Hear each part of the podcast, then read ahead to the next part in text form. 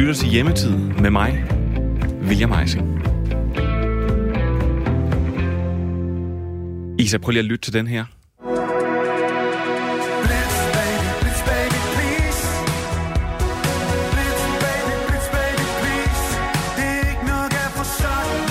Prøv at høre. Jeg har bare lyttet til den her hele morgenen. Øh, velkommen til Hjemmetid, programmet, hvor øh, du er derhjemme og har masser af tid. Mit navn det er øh, William Eising, og mens producer Isa hun lige øh, danser færdig af i regien, så var det her altså Jung og Blitz Baby.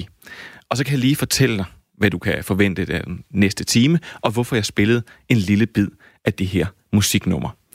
Vi starter med det sidste, fordi her på Radio 4 har vi besluttet os for at spille 100% dansk musik, når vi spiller musik. Vi er jo trods alt en taleradio.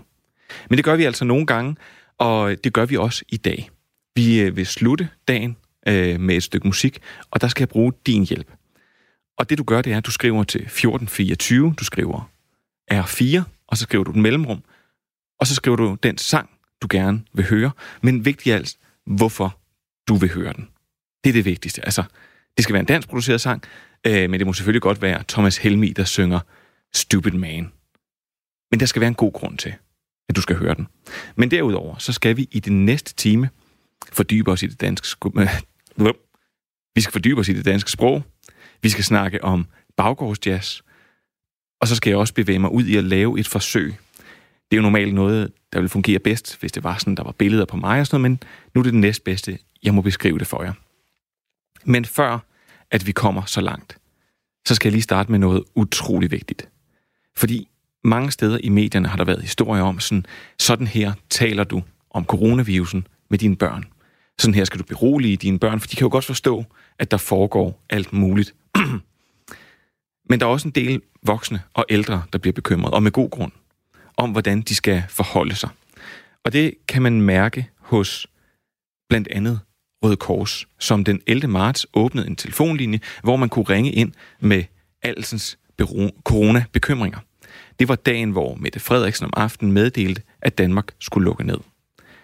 Og siden da, der har mindst 1000 mennesker øh, ringet ind til Røde Kors telefonlinje, og faktisk 14.000 danskere har ring, ringet ind og tilbudt deres hjælp til andre.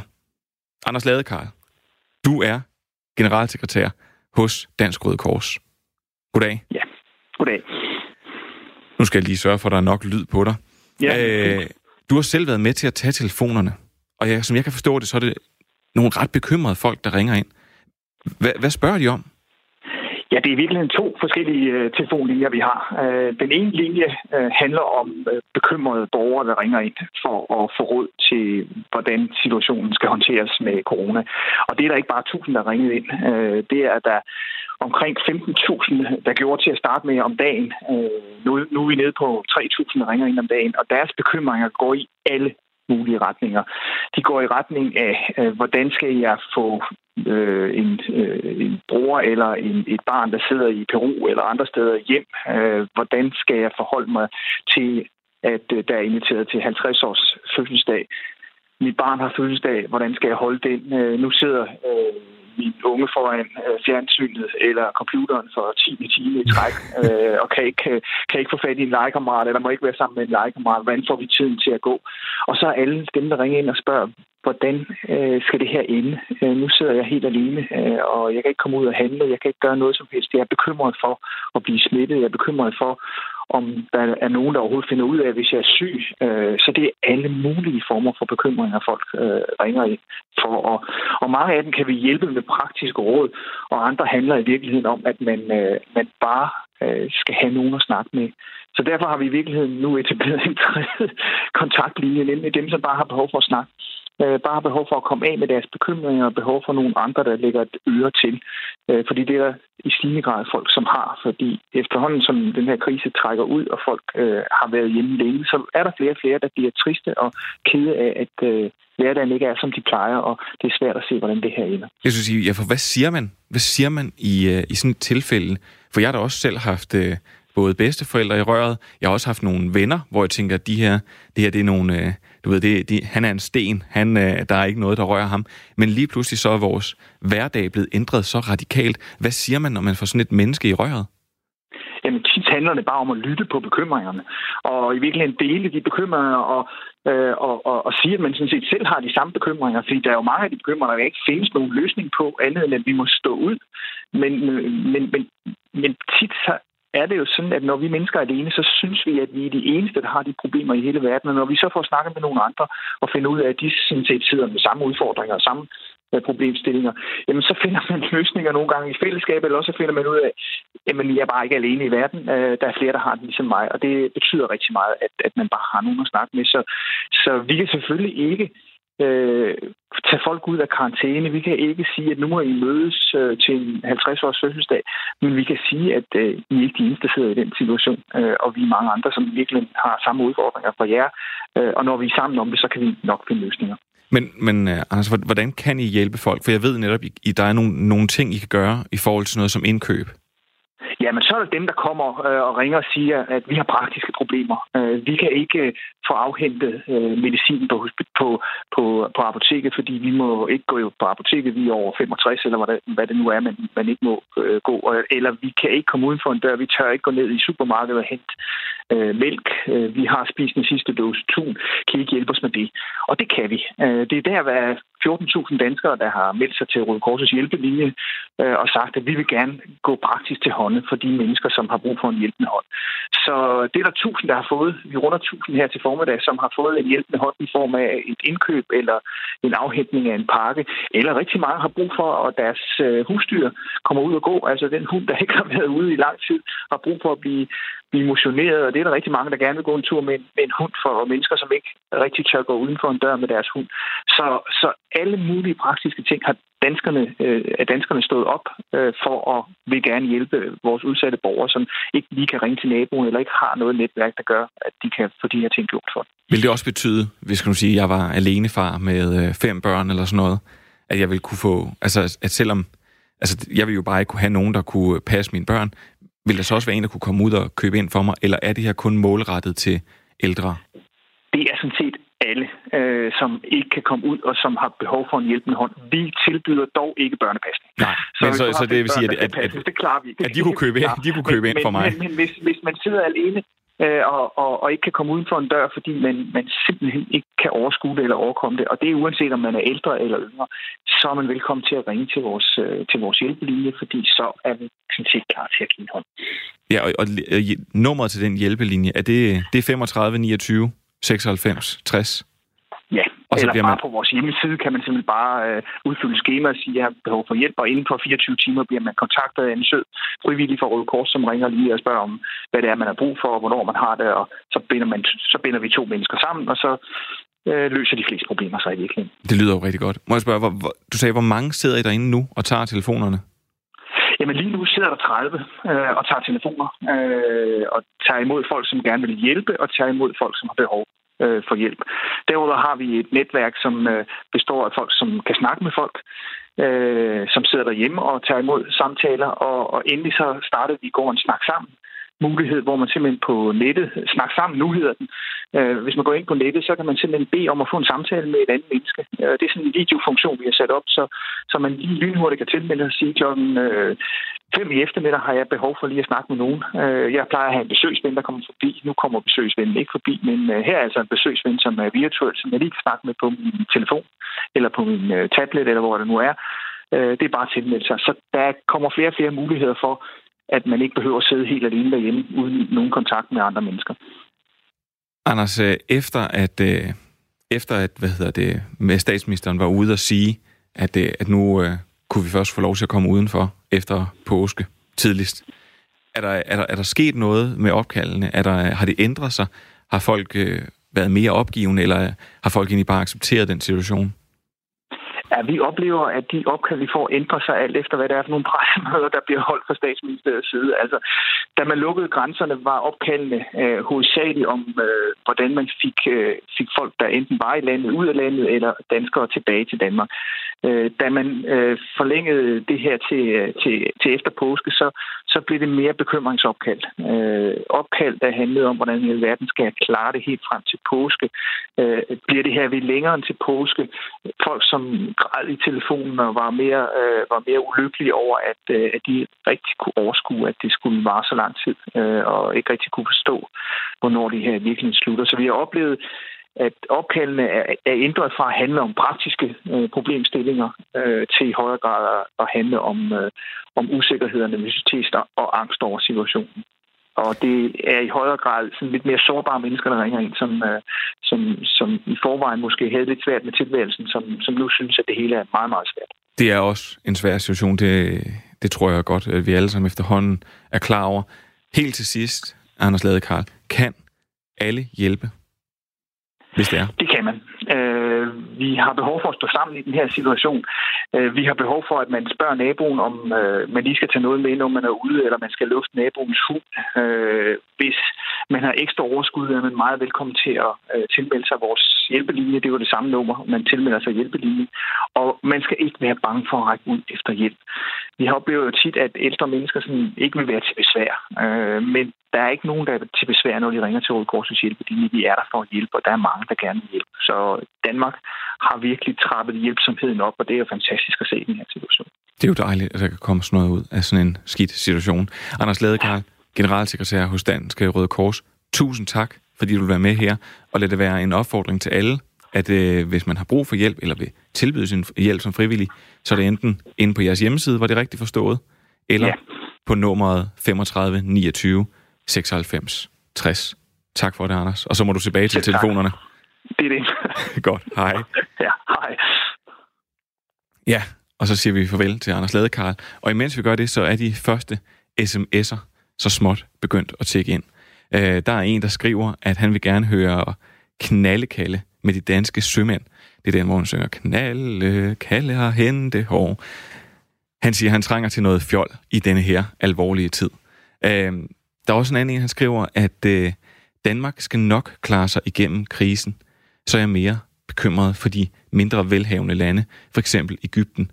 Derfor vil jeg gerne høre Mohammed Ramadan med Ensay Hassan Bintos.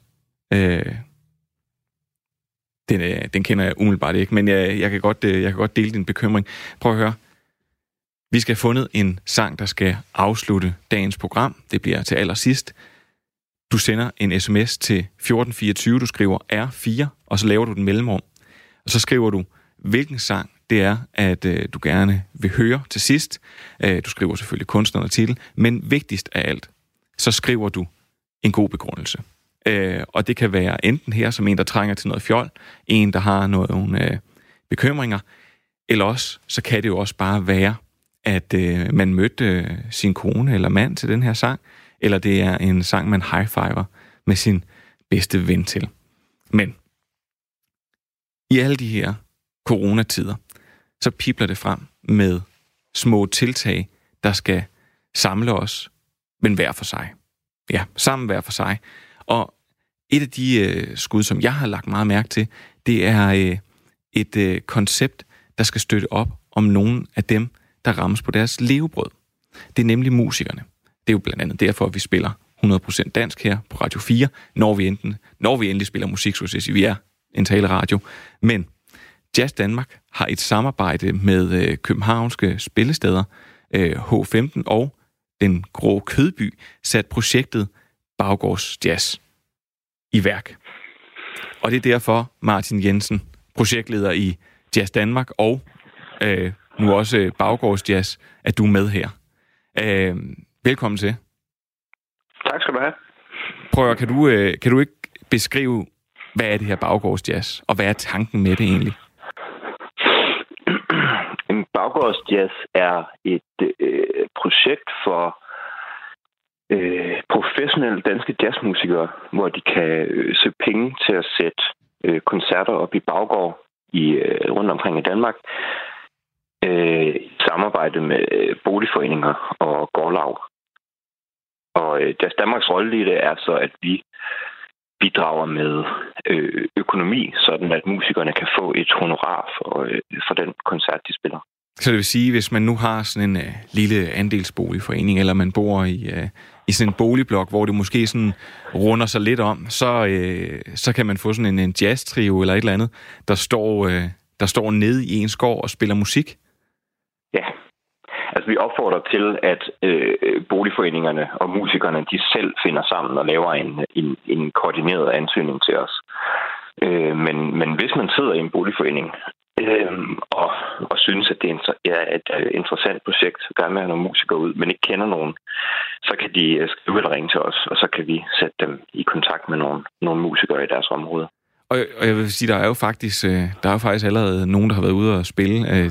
Jeg har noget her fra en, der hedder Elisabeth Noro Børk, Chris Tanner, Henrik Bay og Thomas Ray, der havde været ude, og de gav i lørdags øh, koncert i en baggård på Nørrebro i København. Det lød sådan her.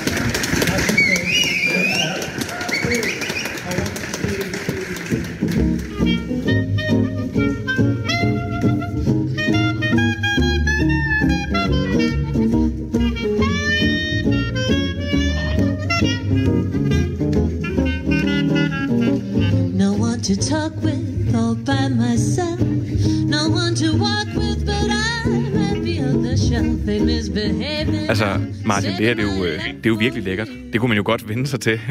nu har de været ude at spille. Hvordan har, hvordan er det blevet modtaget? Jamen, det er blevet modtaget, øh, det er blevet modtaget sindssygt godt. Altså, vi, øh, vi har allerede modtaget flere øh, ansøgninger fra musikere, end vi kan imødekomme. Nå. Øhm, og øh, de tilbagevendinger, vi har fået fra, fra Elisabeth, det var den første koncert, der blev, der blev afholdt, øh, var, at de var øh, fuldstændig overvældet over den respons, de har fået på det.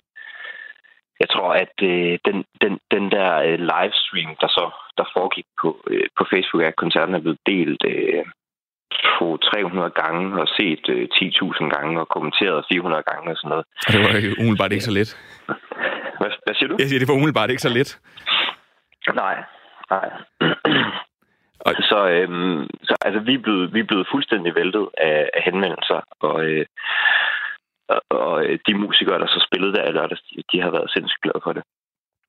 Jamen, men prøv, det, er jo, det er jo bare dejligt. Det er jo, det er jo en eller anden sted en god måde, hvor man kan på være sammen, og så stadigvæk være hver for sig. Må jeg spørge, øh, hvor... Øh, øh, hvad, hvad, hvad, hvad siger du, hvad kunne man gøre, hvis det er, at man gerne vil have sådan et øh, jazzband herude i sin baggård?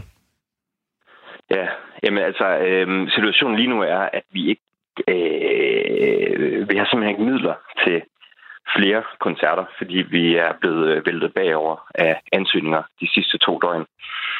Øhm, så lige nu kan man ikke gøre så meget andet end at gå ind på Facebook og finde øh, Baggårdsjazz Facebook-siden, og så følge med der øh, i, øh, i livestreams øh, fra, fra de koncerter, der så er planlagt. Og øh, vi arbejder lige nu på at fundraise, så vi kan fortsætte projektet. Og så vil vi så melde ud der, hvis der bliver åbent for, øh, for ansøgninger igen. Okay. Øh, og, og det skal sige, det er, øh, det er Baggårdsjazz og Jazz Danmark, det... man skal gå ind og finde på Facebook? En af dem. Okay, en af dem. Vi melder ud på, vi melder ud på dem begge to. Altid. Må jeg spørge, Martin, øh, hvad er... Altså, nu siger du, I er allerede fuldt booket nu. Det var vel det, jeg skulle sige, der var måske oprindeligt var håbet og tanken med det her projekt. Men, men hvad går du og håber på nu? Altså, jeg håber på, at vi finder en, øh, vi finder en god samarbejdspartner, som kan, øh, kan bidrage med nogle midler, så vi kan, øh, så vi kan komme bredere ud. Men sådan de ansøgninger, vi har, vi har fået, dem har vi, dem har vi vurderet ud fra nogle, nogle, sådan nogle diversitetsparametre, så Øh, så det er ligesom allerede nu kommer rundt i landet. Der er nogle koncerter i Aarhus og en enkelt i EO, og der kommer nogle koncerter i, i Aalborg, og vi arbejder på en i Svendborg. Øh, men altså håbet er jo, at det kan brede sig til hele landet. Ja, det ville være, det ville være virkelig dejligt. Jeg bor selv i Slagelse. Det, jeg synes, at det ikke ville være tosset. Det er jo ikke... Altså, jo, det er jo selvfølgelig en stor by, men så stor en by er det heller ikke. Det ville godt være, hvis der var nogen, der spillede lidt ekstra igennem i en bagkår, at det sådan kunne blive spredt lidt ud. Og det er jo et, øh, det er et fantastisk øh, initiativ, Martin, og der er, som siger, der er hvad? Der er 15 koncerter. Kan det passe, øh, I, har, øh, I havde penge til? Ja, der er 15 koncerter i kalenderen lige nu. Okay, og I håber på, at der kommer flere. Her til sidst, så vil, jeg gerne, øh, så vil jeg gerne spørge dig om en ting. Det er jo, vi skal jo spille et dansk nummer i dag til slut. Hvis du nu havde øh, frit slag i bolledejen, hvad skulle det danske nummer så være? Øh, bum, bum, bum. spille et nummer med Horse Orchestra. Ton of Tuna, måske. Og må jeg spørge, hvor, hvor, hvorfor det? Og det går, jeg nu tænker, det er jazz. Går jeg bare ud fra. Ja, det ja. jazz. Jamen, fordi det er festligt, og det passer godt til den uh, skyfri himmel, vi har lige nu. Ved du hvad, Martin? Det, det synes jeg også er en, en rigtig, rigtig god grund.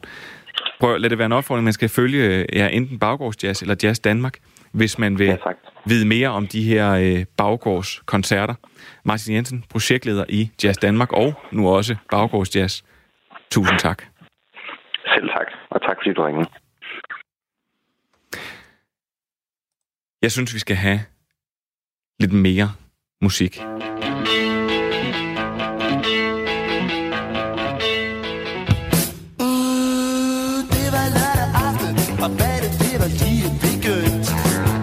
Det er faktisk helt forkert. Det er onsdag formiddag, og jeg har ikke fået morgenmad endnu. Men det skal ikke afholde os for at finde dagens sang, som skal slutte den her udsendelse. To krav. Et, den skal være dansk. Den skal være altså dansk produceret selvfølgelig. Øh, to, du forøger din chance. Det er ikke så meget et krav, det her hvis der er noget særligt ved den her sang. Altså, hvis du nu scorede din mand eller kone til en gasolinkoncert eksempelvis, og det er det nummer, du gerne vil høre, eller du og din bedste ven plejede at flette blomsterkranse til den gale pose. Du sender en sms til 1424, skriver R4, og så din sang, og så hvorfor vi skal høre den. Og så kan det være, at jeg vælger den ud til sidste programmet, og så kaster vi os over men inden at øh, vi kommer så langt, og inden at der også øh, lige om lidt er et afbræk, hvor vi skal have en, en nyhedsupdate, øh, så ved jeg ikke, om I har lagt mærke til, at, øh, at der ude i landet, så er der forskellige spritfabrikker, eller sådan nogle små destillerier, der, øh, der laver, hvad hedder det, der lige pludselig laver håndsprit. Der er for eksempel øh, Sommersby, som ja, selvfølgelig lavede Sommersby, men som nu laver håndsprit. Og det fik mig til at tænke, på en sjov historie, som jeg tror, vi lige har tid til her inden nyhederne. For det er sådan, at øh, jeg har en, øh, en farmor, og hun, øh, hun øh, var selvfølgelig øh, ung pige under krigen. 2. verdenskrig, for de meget unge lyttere, der sidder derude. Øhm, og hun har fortalt en øh, historie igen og igen, og den jeg synes faktisk, den er ret morsom, så nu tager vi den lige. I København under krigen, der lå der en øh, producent af skosværte. Og øh, da krigen så brød ud, så var der ikke øh, den store mangel på skosværte, så derfor så øh, begyndte de at producere noget andet. De begyndte at producere lakrids. Og jeg har altså spurgt hende til, hvordan øh, smagte det her lakrids. Det kan hun så ikke lige huske. Men så under hele krigen, der producerer den her skosværteproducent altså lakrids. Men da Danmark så bliver befriet i 1945, og tingene langsomt begynder at gå tilbage til alt, hvad det, hvordan det nu var før, ja, så stopper de med at producere lakrids, og så går de over til at producere skosværte igen. Det kan jo selvfølgelig svare på spørgsmålet om, hvordan smagte lakridsen. Ikke særlig godt, er mit bud. Øhm, men det jeg bare vil sige med det her, det er jo, at at øh, lige nu så er det måske næsten en, en halv lille krig, vi kæmper mod en usynlig fjende, der hedder corona. Og det er vigtigt, at man i sådan nogle tider står sammen. Det er vigtigt, at man vasker sine hænder. Og så er det bare lidt morsomt, hvordan man kan omstille hele sin produktion. Så man nu ikke laver sommersby, men man laver håndsprit i stedet for. Nå, når du kommer tilbage på den anden side øh, af nyhederne med Thomas Sand, så skal jeg øh, fordybe mig i det danske sprog, eller vi skal fordybe os i det danske sprog sammen. Vi skal finde dagens sang, som vi skal afslutte programmet på. Du kan stadigvæk skrive til 1424, skrive R4, og den sang, du gerne vil høre, og øh, hvorfor vi skal høre den. Og så skal jeg også lave en, et forsøg. Ja. Så tror jeg sådan set, at øh, vi har det hele med.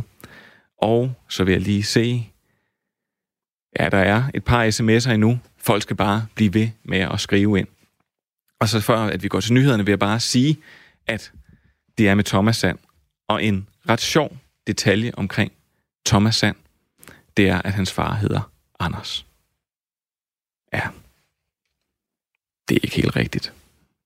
Nå, Isa hun vinker og siger, at jeg skal komme til sagen. Det er i orden. Øh, mine damer og herrer, jeg er tilbage efter nyhederne med Thomas Sand. Her er nyhederne på Radio 4. I en ellers svær tid er der kommet gode nyheder for den danske økonomi. Tal fra Danmarks Statistik viser, at der sidste år var et overskud på de offentlige finanser på 85 milliarder kroner. Det er det største overskud siden 2007. Tallet er rigtig god læsning og viser, at dansk økonomi har de nødvendige muskler til at imødegå coronakrisen. Det vurderer cheføkonom Thor Stramer fra Erhvervs- og Arbejdsgiverorganisationen Dansk Erhverv. Den offentlige økonomi er simpelthen kernesund, og der er ingen nævneværdig nettogæld i øjeblikket, skriver Thor Strammer i en kommentar. På grund af coronakrisen har regeringen lavet flere hjælpepakker, der skal holde hånden under erhvervslivet og de mange arbejdspladser.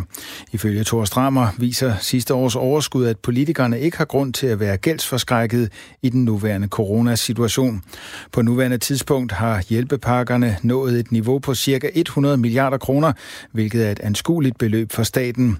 Der er dertil fin plads i den offentlige økonomi til at øge hjælpepakkerne yderligere, skriver cheføkonomen. Sidste års overskud skyldes især de gennemgående stigninger, der var på aktiemarkedet.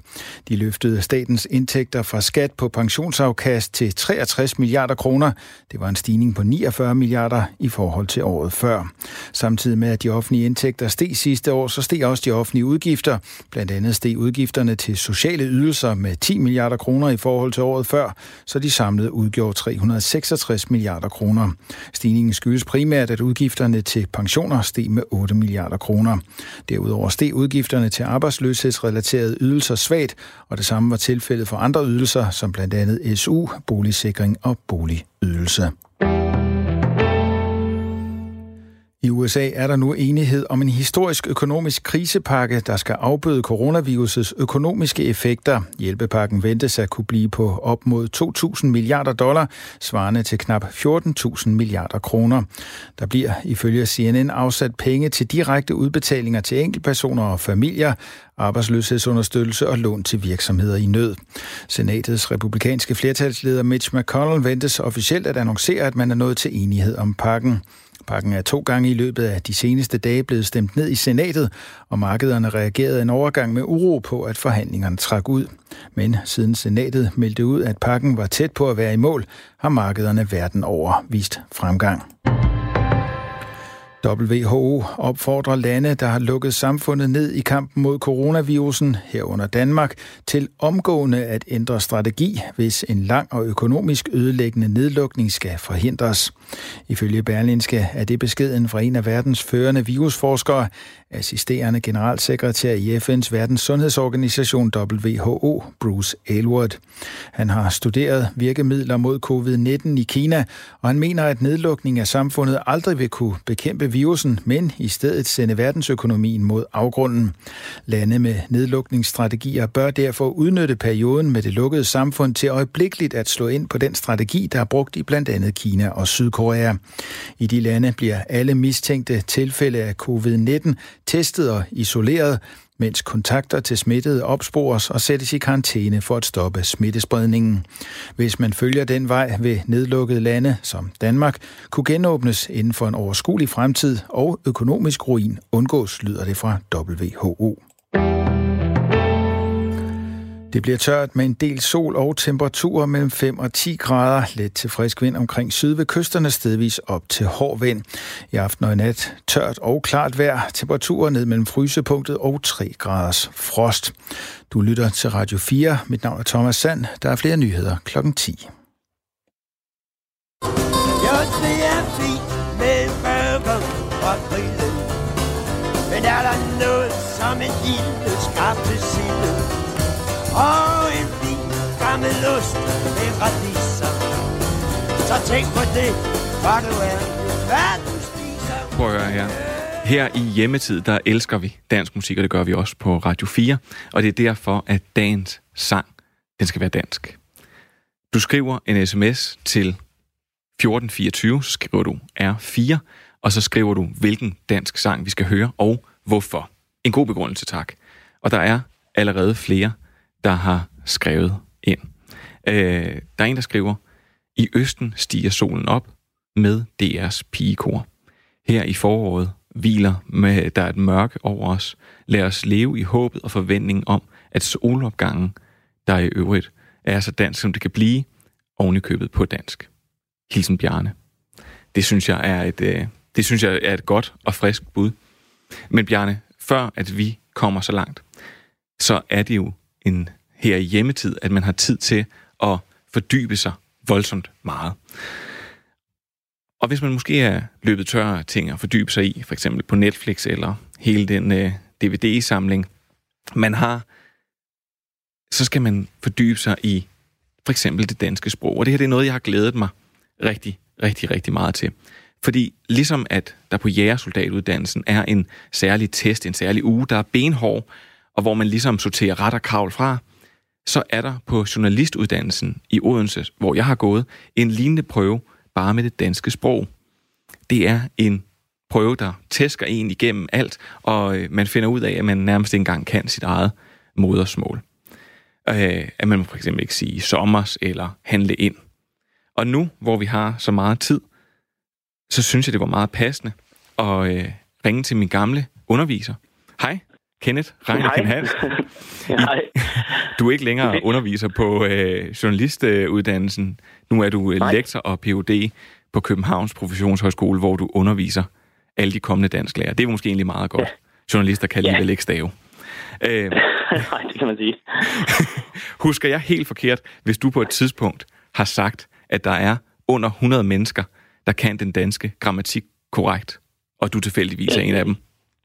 Øh, nej, altså jeg har ikke øh, sagt det på den måde, men, øh, men øh, jeg har citeret Erik Hansen, den nu øh, desværre afdøde sprogprofessor, som øh, blev meget berømt for at gå ud i den store kommakrig, som vi jo har haft nogle stykker i Danmark.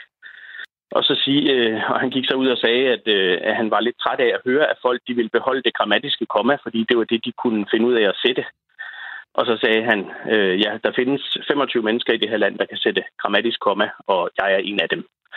så, øh, så det var altså det var hans eget, øh, det var hans udsagn. Øh, øh, men det, det sætter jo sådan lidt øh, det her korrekthed i perspektiv selvfølgelig, hvis det, hvis det virkelig passer der omkring. Altså jeg ved ikke lige, om han har talt øh, 25, men hvis der er cirka 25, der kan sætte grammatisk komma i, øh, i hele landet, men prøv, så er det jo ikke så mange. Og, og, fordi jeg fandt jo ud af i din undervisning, at det danske sprog, det er en rigtig svær en. Øh, og der findes ja. mange øh, klassiske sprogfejl, som, ja. som vi falder i. Men, men, ja. men, og, og så bliver jeg nødt til at sige, der nu, nu afslører jeg jo, hvor godt jeg hører, jeg har lyttet efter. Betyder de her fejl ja. overhovedet noget? Altså, øhm, det, det er de færreste af dem, der betyder noget. Det kommer også an på helt, øh, hvad det er for nogle fejl, fordi der findes jo, øh, ja nu har vi allerede lige talt lidt om, øh, om kommafejl, øh, og der er selvfølgelig nogle af dem, der er meningsforstyrrende, men det er faktisk øh, de færreste af dem, der, øh, der er det. Øh, og så har vi jo de her sådan andre klassikere, som er øh, bøjningsfejl, altså hvor man sætter et øh, nutidsær ind, for eksempel, hvor det ikke øh, hører hjemme. Og der er de her forskellige øh, øh særskrivningsfejl, altså hvor man særskriver, man, det sær det betyder adskille, så man, altså, man har ord, der egentlig burde være skrevet sammen, som man så skriver hver for sig. Så der er jo forskel på en fransk lærer og en fransk lærer, for eksempel. Øh, eller rødvin og rødvin. Så de ord, de skal skrives sammen på dansk, øh, hvorimod for, øh, sådan nogle øh, sammenhænge som øh, i dag, for eksempel, og i øvrigt, de skal skrives i to ord. Øh, og sådan noget. Og det, det, er jo det er sådan nogle ret komplicerede, øh, i virkeligheden ret komplicerede regler, men, øh, men øh, men, men det har jo ikke den store betydningsmæssige forskel, vel? Fordi selvfølgelig, hvis jeg læser en tekst, at en fransk lærer har sagt sådan og sådan, så kan jeg godt tro, det er en, lærer, som tilfældigvis er franskmand, øh, men i virkeligheden menes der fransk lærer. Ikke? Så, så der vil jo selvfølgelig være mulighed for at, øh, at, at få de her øh, tvetydigheder. Øh, men meget ofte så vil sammenhængen, som fejlen indgår i, den vil jo forklare, øh, den vil jo give den rigtige betydning. Men jeg tænker, der hvor der bliver et problem, det er for eksempel, hvis øh, min lille søster, hun øh, siger til, øh, til nogle af vores bedsteforældre, at hun øh, bruger ordet, eller øh, bruger bjørnetjeneste. Fordi ja. det er jo to forskellige opfattelser af. Og det bliver, ja. så bliver der jo lidt sådan en generationskløft. Det er vel ja, et problem, det er det ikke? Nemlig, ja. Det, det kan godt være et, øh, et problem, og det, det, der har du lige præcis fat i noget, hvor, hvor, der, kan være, øh, hvor der kan være store forståelsesforskelle, og det er nemlig, vi kalder dem pendulord, fordi de pendulerer mellem to ikke bare forskellige betydninger, men til modsatrettede betydninger. Og, øh, og det vil altså sige, at yngre sprogbrugere, det vil sige, øh, vi kan sådan sige nogen under 40, de vil opfatte bjørnetjeneste som en meget stor tjeneste, hvor dem over 40, de vil opfatte det på den gamle, øh, i den gamle betydning, at det er en tjeneste, som i virkeligheden viser sig ikke at være nogen tjeneste. Øhm, og det er klart, der, der, vil, altså, vi, der har vi jo sagt til journalisterne, at så skal de undgå at bruge sådan nogle ord, ikke? Fordi, øh, fordi der vil man øh, så dele sine læsere imellem sig. Den ene halvdel vil tro øh, den ene betydning, og den anden halvdel vil tro den anden betydning. Og der er jo andre af de her, øh, nu bjørnetjeneste er jo ikke, trods alt ikke så øh, almindelig, øh, almindeligt et ord, men, men sådan, sådan noget som at sige, jeg har godt 20 kroner i lommen. Altså, hvor, meget vil du, hvor mange penge har jeg så? Har jeg mere eller mindre end 20 kroner, vil du sige? Jeg vil tænke, du har næsten 20 kroner. Jeg har næsten 20 kroner, ja. Så det også tyder på, at du er en yngre sprogbruger, fordi den gammeldags betydning, det er, at jeg har lidt mere end 20 kroner. Øh, og man sagde også, i gamle dage, der sagde man også 20 kroner godt og vel. Altså, så det var, det var mere. Og, og så har jeg faktisk læst mig til, at nu er der også nogen, der tror, at det er omtrent 20 kroner. Altså, så det betyder, at jeg er ikke helt sikker på, om jeg har 20 kroner. Øh, så der er noget, der tyder på, at der vil opstå en tredje betydning af den, af den formulering. Og der kan man selvfølgelig sige, øh, her der kan vi jo ikke rigtig afgøre, hvad der er den rigtige betydning, og det, det er der nogen, der bliver, altså, øh, det er der så sprogbrugere, der bliver meget irriteret over, kan vi ikke bare beslutte os for, at det hedder det ene øh, eller det andet. Men det er jo ikke sådan, at sprogkorrekthed øh, fungerer. Sprogkorrekthed fungerer jo ved, at der er nogen, der sidder og observerer, hvordan vi rent faktisk bruger sproget. Og så prøver man at, at, at fastlægge betydninger og staveformer og sådan noget ud fra det. Så hvis størstedelen, tilfælde... ja, så hvis størstedelen af os går og siger i sommers, skal vi så bare acceptere, ja. så, så bliver det simpelthen i sommer og ikke i sommer? Ja, altså nu, nu lige præcis i sommer er faktisk ikke ukorrekt. Altså det er faktisk er det ikke? en... en øh, nej, det, det er det ikke. Jamen jeg altså, det, alle, der siger det. En, ja, men, men det, det må du holde op med, fordi det er en gammel... Øh, vi siger jo også, at du siger jo heller ikke i forgår. Øh, du vil jo også sige forgårs. Så, så det der S, det har en, øh, det har en funktion fra, øh, fra gammel tid. Øh, men du kan godt sige i sommer, øh, og der er så i øvrigt noget lidt, øh, der vil så være nogle lidt øh, uklarheder omkring, hvad, hvad betyder det så egentlig? Er det, er det sidste sommer eller forrige sommer og så videre, ikke? Men, øh, men det er jo sådan et eksempel på, på noget, du sikkert måske går og retter folk, øh, der siger, men, men øh, faktisk, øh, øh, så burde du ikke gøre det, fordi det er ikke øh, ukorrekt. Øh, men det har nogle andre markører. Nu talte vi om alder, øh, så alder, øh, alder har noget at gøre med, hvordan vi bruger sproget. Og det har social status også. Og der er for eksempel noget, der øh, viser, at, at folk, der har sådan høj social status, de bryder sig ikke om de der S'er der. Det er også derfor, at... Øh, ja, det er bare, fordi jeg prøver at fornægte min vestjyllandske arv. ja, okay. Ja, det, nå, ja, det kan selvfølgelig også være, at du sådan forsøger at, at markere et, en afstandstagen til, til det sociale ophav, du har, og sådan nogle ting. Ikke? Øh, men, men det er også derfor, du hører mange øh, inden for den offentlige administration, de taler om videndeling, selvom man lige så godt kunne sige vidensdeling, for eksempel. Ikke? Altså, det er fordi, man gerne vil eliminere det der S, for man synes, det er sådan lidt, lidt low class. Men Kenneth her til sidst, så bliver jeg nødt til at sige, nu, øh, nu har folk mulighed. De sidder derhjemme, og de kan læse deres øh, gamle retskrivningsordbøger igennem og sådan noget. Men ja. når du også kommunikerer ud til, din, øh, til alle vores fremtidige øh, dansk lærer, hvad er det så ja. for nogle sproglige fejl, som du siger, det her, hvor vi skal sætte ind?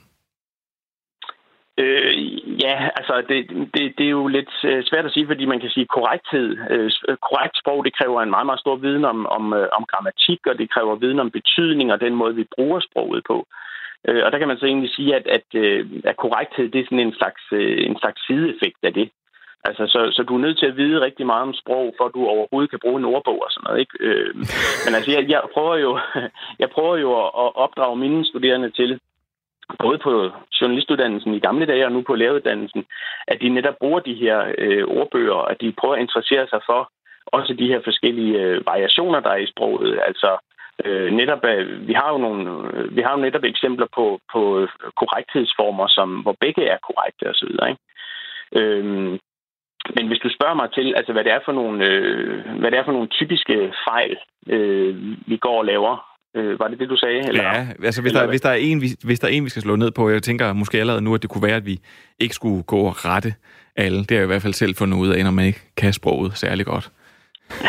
ja, ja jamen, det, det ved jeg ikke. Altså, der, er jo, der, der er utrolig mange af de her fejl, men man kan sige, Øh, Øh, og det gælder, det gælder hvis man er journalist, så ved vi, at, øh, at folk synes, man er meget øh, uintelligent og utroværdig, hvis man laver øh, sprogfejl. I øvrigt også, hvis man laver nogle øh, sproglige ting, som, som slet ikke er fejl, men som folk tror er fejl. Så, øh, så, så, hvis man, øh, så hvis man gerne vil eliminere ud i de der fejl, som, hvor folk de tror, øh, eller folk ikke må tro, man er dum, så, så er det sådan noget med at, at forveksle at og og, for eksempel. Altså, hvor man siger, at det er hyggeligt at gå i biografen, men her burde det have været, det hyggeligt at gå i biografen, for eksempel. Øh, forveksle nogen og nogle, altså hvor nogen det betyder en, øh, eller nogen overhovedet, hvor nogle betyder nogle stykker. Øh, og så er der sådan nogle bøjningsfejl, som folk også bliver meget irriteret over. Forveksling af synes og syntes, for eksempel. Ja, men prøv at, jeg, øh, jeg, vil, jeg vil sige eftersom, at øh, jeg tror, vi, vi kunne blive ved, Kenneth, øh, fordi at, øh, ja. der er... man... der, men, men, men prøv at, det, det som man, jeg synes, det man skal tage med fra det her, det er, at man egentlig bare skal passe sin egen andedam, og, øh, og at vi egentlig kan. Vi kan, vi kan det ikke så godt, som vi går og tror, vi kan det. Det er i hvert fald også Nej, lige selv fundet ud af. Lige præcis, altså så en, en vis form for ydmyghed, og så kan man sige, hvis man så når det til, at man behersker det danske sprog rigtig, øh, rigtig glimrende, øh, så, så kommer det også, altså det er jo ligesom de, de amerikanske superhelte, så, så får det også en stor forpligtelse. øh, så det kan heller ikke nytte noget, hvis du er dansklærer i 3. klasse, så hammer du heller ikke eleverne oven i hovedet med de fejl, de laver. Så prøver du at finde ud af, hvad er det for en type fejl, de laver, og så prøver du at dosere den viden, som, øh, som du nu har, så den passer ind i det der, øh, i det der givende forløb. Øh, så, øh, så, så man skal ikke bruge sin viden om sprog til at slå andre oven i hovedet med. Øh, Tusind, tusind tak, Kenneth. Det er en dårlig idé. tusind tak, Kenneth Reinekind Hansen. I dag øh, er du lektor og Ph.D. på Københavns Professionshøjskoler, hvor at du underviser vores kommende dansklærer. Der følger et stort ansvar med det. Tusind tak. Nemlig. Det er godt, selv tak. Hej. Ja, og så har vi, mens vi siger øh, farvel til Kenneth, så er der altså godt gang i sms'en med bud på dagens sang. Det er stadigvæk 1424, man skriver R4, og så skriver man et mellemrum, og så skriver man, hvad for en sang det skal være, og kunstneren, og så øh, hvorfor vi skal høre den. Og der er en, der skriver, du er ikke alene med Sebastian, fordi vi skal stå sammen omkring denne krise. Det skriver Søren Vest for Rørvig. Hørt, Søren. Hørt. Øhm, nu skal vi se her. Jeg tænker, vorvisen af Sebastian og Sissel, den er smuk, og så kan man glæde sig over, at man snart kan dufte det forår. Jeg hørte den, jeg hørte den, da jeg var meget ulykkelig og fandt glæde og håb i den. Kærlig hilsen, Pernille. Pernille, jeg håber også, at øh, du i det mindste finder en lille bitte smule glæde og håb i det her nu. Og så vil jeg sige, at det er jo ikke forbudt at åbne vinduerne.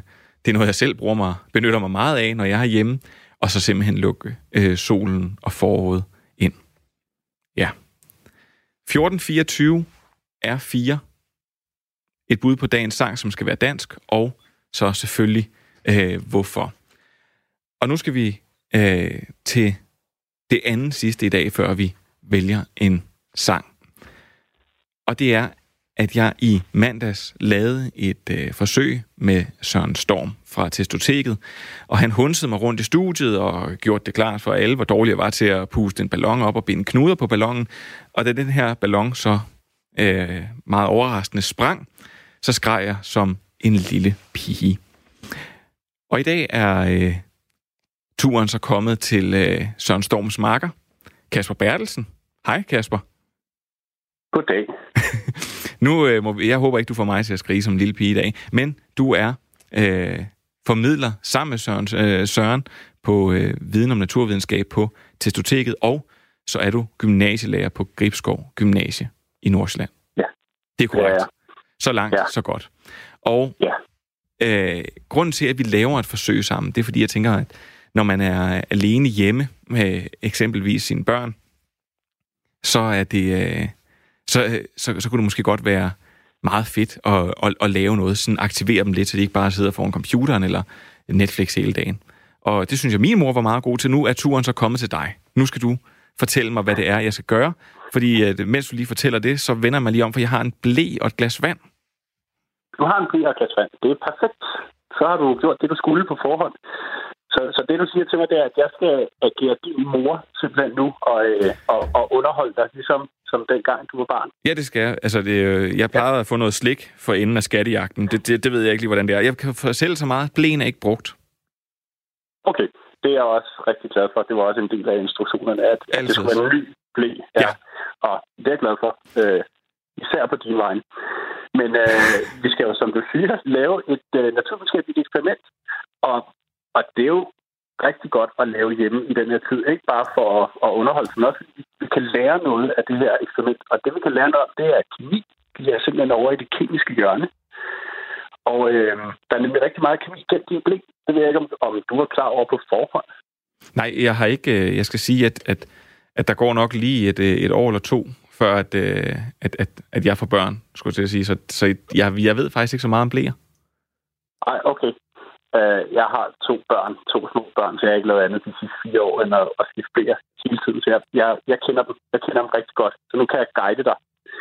Og uh, det, det, som vi skal, det er, at vi skal have fat i det, der er inde i en blæ. Så det, du skal gøre, Ja. at du skal åbne den her blæ, eller sådan rive den fra hinanden. Ja. Og man kan faktisk ret nemt rive sådan en blæ i to ved, ved at tage fat, altså vende med begge hænder, og så hive hele siden af. Simpelthen flå siden af, hele langsiden.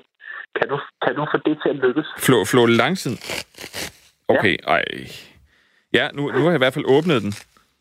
Altså. Okay. sådan, så, sådan, så jeg kan se, der er noget, det, der ligner noget vat, og så er det, der drøser noget hvidt smulder ud over, som jeg tænker, at der er en, øh, en tekniker, der bliver rigtig glad for, at jeg lige har hældt ned i det vores pult her.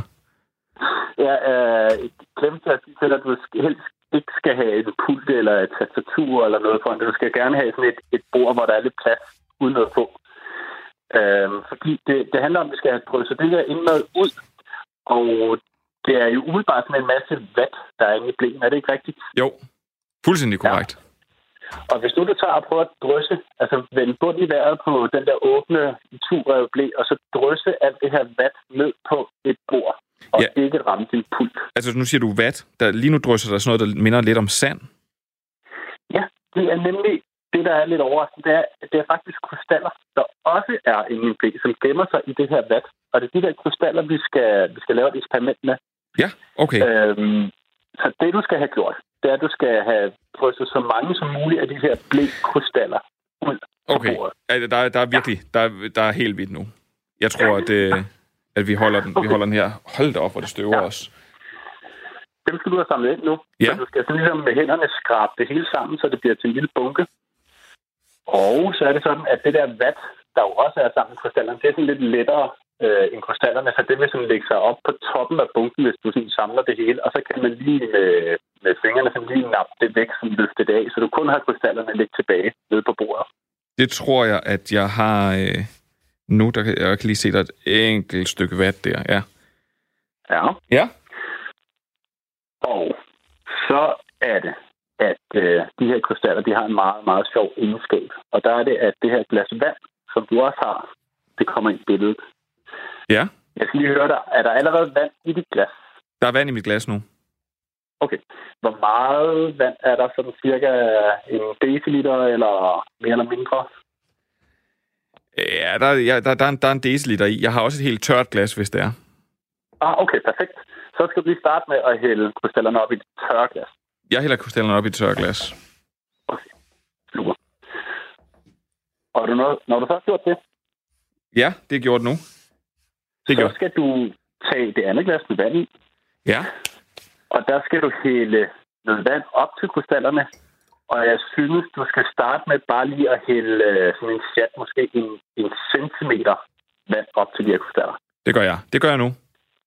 Perfekt. Og så vil jeg gerne have, at du begynder at røre rundt i det her, samtidig med at du beskriver, hvad du, hvad du ser. Prøv at røre rundt i 10-20 sekunder, og så beskriv, hvad du, hvad du ser, når du rører rundt. Øh, Det... Jeg ser... Det, okay, det klumper fuldstændig. Det, det er ligesom om, at det er tøsne, jeg reelt laver. Ligner det, ja. Synes jeg. Det, lige nu ja. Er det sådan helt... Det er sådan ret solidt nu, skulle jeg til at sige. Det ligner nogle gange, når jeg bager det her, og jeg har sådan ikke har fulgt opskriften fuldstændig, at det så bare sådan skiller sig ad. Men ja. Det, nu, bliver det, nu bliver det reelt hvidt, faktisk. Er det ikke fint? Det er meget fint. Hvad, hvad, hvad er det, der sker? Det, der er ved det, er, at de her krystaller, det er et, øh, salt, men det er ikke et almindeligt bordsalt, som er, som er natriumklorid. Det er et andet salt, der hedder natrium polyakrylat. Og de her polyakrylat-molekyler, øh, det er sådan nogle lange kæder, som øh, kan binde vand til sig. Ja. Og i virkeligheden erstatte natriumionerne øh, mellem kæderne. Og så er det, at vandmolekyler, de skvulper jo normalt rundt mellem hinanden. Det er derfor, det er en væske. Men lige så snart, at det bliver fanget inde mellem de her polyakrylatkæder, så kan det ikke skvulpe længere. Og så får det mere karakter af at være fast stof. Så det, du i virkeligheden har, har gjort, det er, at du har fanget vandet Okay. i de her polyalkylatkæder. Og nu har jeg lige prøvet at hælde mere vand i, så det, det der faktisk sker, det er, at, at det vi leger, jeg står og hælder ned i, det er tis. Og det er sådan set det, der Ja, sker i en blæ normalt. Det er det, der sker i blæreklamerne, når de hælder vand. Ja, så plejer det at være sådan noget blåt vand, man, man hælder op i blæen, og så, og så drømmer det ikke. Men det er jo fantastisk. Øh, altså sådan en blæ, det, det, det kan jeg fortælle dig. Der kan virkelig være meget til i, uden at det løber ud af den, uden at den drypper og så videre. Og det er simpelthen fordi, at de her krystaller, de ligger derinde og fanger alt babytisser. Øhm, Så, Man så, hvis man, så, hvis man, så hvis man har en, øh, en blæ derhjemme, ja, hvad enten er til voksne eller til børn, så, øh, så foreslår du simpelthen, at man gør det her, hvor man flår den op for drysset de her krystaller ud, og så... Øh, Ja, altså hvis du kan, hvis du kan undvære blæen. Hvis du Men- er til jeg sige. Ellers så vil jeg hellere ja, jeg synes, vi, ja, ja, så kan man selvfølgelig bruge den på den måde. Men simpelthen at vise sine børn, hvad er det, der sker nede i blæen. Ja, og så kan man lære noget om kemi. Og noget om polymerer. Det er i virkeligheden en, øh, altså en polymer, den her polyalkylat, som øh, man kalder for et sapstof. Et superabsorberende polymerstof, som kan fange de her vandmolekyler. Og øh, måske så kender du samme koncept fra, fra sådan nogle vandperler. Kender du sådan nogle, man kan købe i blomsterhandleren? Ja, ja de, kan, kan, de, de kan gøre det samme. Det kan gøre præcis det samme, som man kan lægge ned i uh, sin urtepotte, jorden i sine uh, potteplanter derhjemme. Når man så vander potten, så, uh, så gemmer vandet sig ind i de her vandperler og bliver frigivet langsomt til ens potteplante, og så er man fri for at vande så tit. Meget, meget smart egenskab. Fornemt. Og det prøv, er præcis det samme, som der sker i blæen. Kasper, jeg øh, bliver simpelthen nødt til at smide dig af nu og sige tusind tak, fordi jeg har en, øh, en sang, jeg skal nå at spille for en lytter. Og så vil jeg sige, at øh, Kasper Bertelsen, naturvidenskabsformidler på Testoteket og gymnasielærer. Og på Testoteket kan man, kan man gå ind og se en masse fede forsøg. Er det rigtigt forstået? Det er fuldstændig rigtigt forstået. Det er en hjemmeside med et hav hundredvis af forskellige forsøg, man kan lave derhjemme her i, i hjemmetiden. Det er i orden. Tusind tak til dig, Kasper. Selv tak. Og så skynder vi os øh, videre, fordi nu skal jeg lige finde den her. Ja. Det her, den her sms her. Tik, tik med Kim Larsen. Min fætter og jeg hørte Kim Larsen hele tiden, da vi var børn, og var meget fascineret af, at de blev blodbrødre i øh, blodprøver i film midt om natten. Og vi havde fundet en gammel bajonet i vores mormors og morfars mark, så det skulle vi også prøve. Blodprøver blev vi, og en gang om året mødes vi en hel dag og hører bare Kim Larsen. Vi er begge 40 år nu. Venlig hilsen, Nielsen. Og, øh, og derfor så slutter vi dagens udsendelse af med Kim Larsen. Og så må I have en rigtig god dag derude og passe på hinanden.